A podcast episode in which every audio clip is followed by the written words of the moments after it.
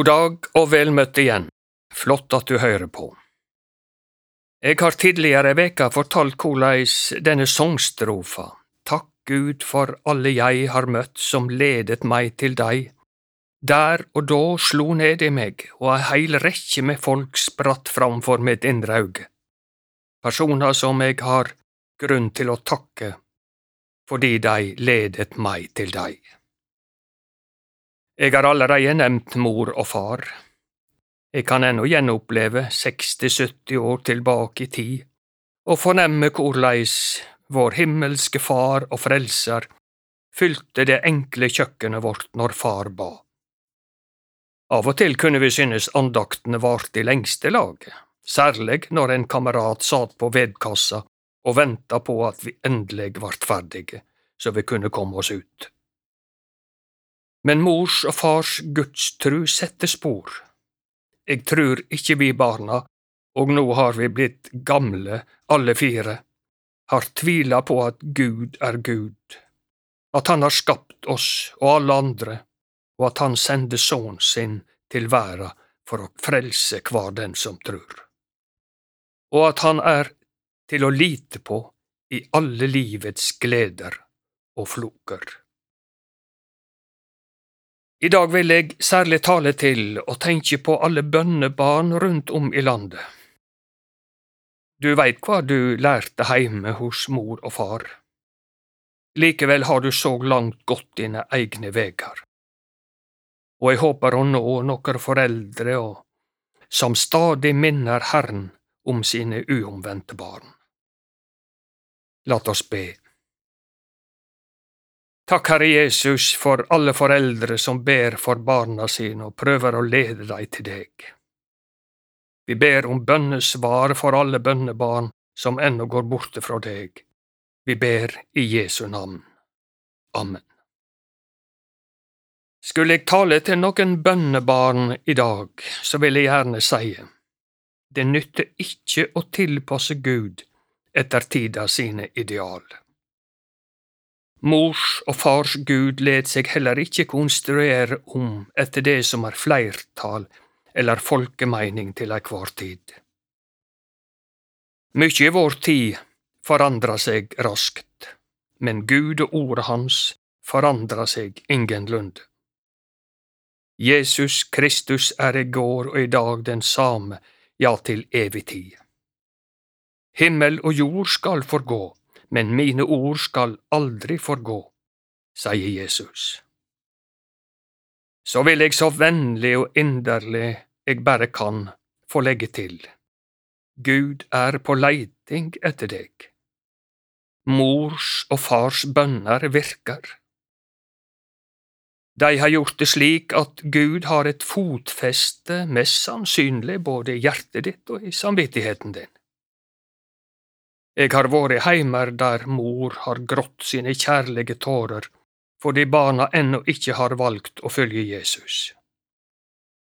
Det er ikke først og fremst mor og far som trenger at du vender om til din barndoms Gud, men det er jo ikke lite å glede deg heller. Mor og far hadde sikkert blitt hoppande glade. Men først og fremst er det du sjøl som treng ein frelser som kjøpte deg til Gud med blodet sitt, som Bjerkreim syng. Det står om dei som hørte Peter tale på pinsedagen, i apostelgjerningene to, at det stakk dei i hjertet. Eg trur nok at også du av og til har kjent dette stikket. Kanskje kjenner du det mens du hører på i dag òg eller når du tenker på mor og far, du veit jo at de ber for deg. Gud har mange veier, særlig inn til bønnebarn. Ofte sender han noen av sine venner i førevegen, men han følger tett på sjøl òg. Av og til bruker han en kjenning, ei oppleving. Det kan være gode ting, men også ulykker eller sykdom for å minne deg om mors og fars Gud.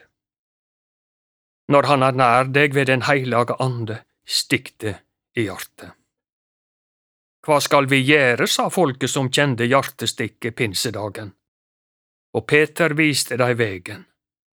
Vend om og la dykk døypa i Jesu Kristi navn, hver og ein av dykk, så det får tilgjeving for syndene. Vegen til Jesus er den same i dag. Jeg tenker de fleste som hører nå, allerede er døypte. Det skal du takke både foreldra dine og Herren Jesus for som da åpna Guds rike for deg. Det vil han gjerne gjøre for deg i dag òg. Det er tid for å vende om, det er tid for å komme heim. Du husker sikkert fortellinga i Lukas 15 om sonen som kom heim. Den har forresten hatt flere navn fram gjennom historia, den fortellinga. Den bortkomne sonen, mellom anna. Det som er hovedsaka i fortellinga, er at far heile tida lengta etter at sønnen skulle komme heim igjen. Nøden vart så stor at endelig han tok på heimveg. Vi kan sjå scena for oss. Medan han ennå var langt borte, fikk faren sjå han. Du må tru at far hadde sett den vegen før, og han fikk inderlig medkjensle med han, står. Han sprang imot han, kasta seg om halsen på han og kysste han. Sønnen fikk ikke bruk for noen av unnskyldningene som han hadde laga. Nå var det om å gjøre at tjenerne fikk opp farta. Til og med gjøkalven måtte bøte med livet. Det var tid for fest og feiring. For denne sønnen min var død og har vorte levende, og han vart bortkommen og er attfunnen og så tok festen og gleda til. Gud bebreider ingen som kjem heim, om det så er i filler. Slik er Gud, han kaller og han speider etter sine bortkomne barn, fra morgen til kveld. Han ser også etter deg, som så langt har tulla deg bort ifra Jesus og farshuset. Du er jo egentlig Guds eiendom. Det er Han som har skapt deg, og det Jesus gjorde ved sin døde oppstandelse, var for å gi deg barnekår og barnerett i Guds rike. Den gåva må du ikke forsømme å ta imot. Og så må vi seie til hverandre, vi som har noen barn, barnebarn, naboer eller andre, som vi ber om at må bli frelst. Bli ikke trøtte. Du som ber for ditt barn, dine kjære. Vi må ta Gud på ordet, Han som sier at vi skal be og ikke misse motet.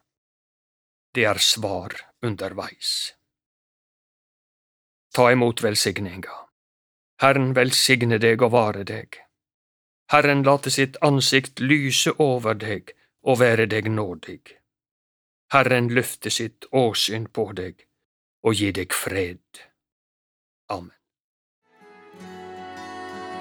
Du har hørt en andakt i serien Over en åpen bibel, og andaktsholder i dag var Kåre Ekroll. Serien blir produsert av Norea Mediemisjon. Følg oss gjerne på Facebook og Instagram. Der får du flere ganger i veka oppdatert informasjon om arbeidet som vi driver.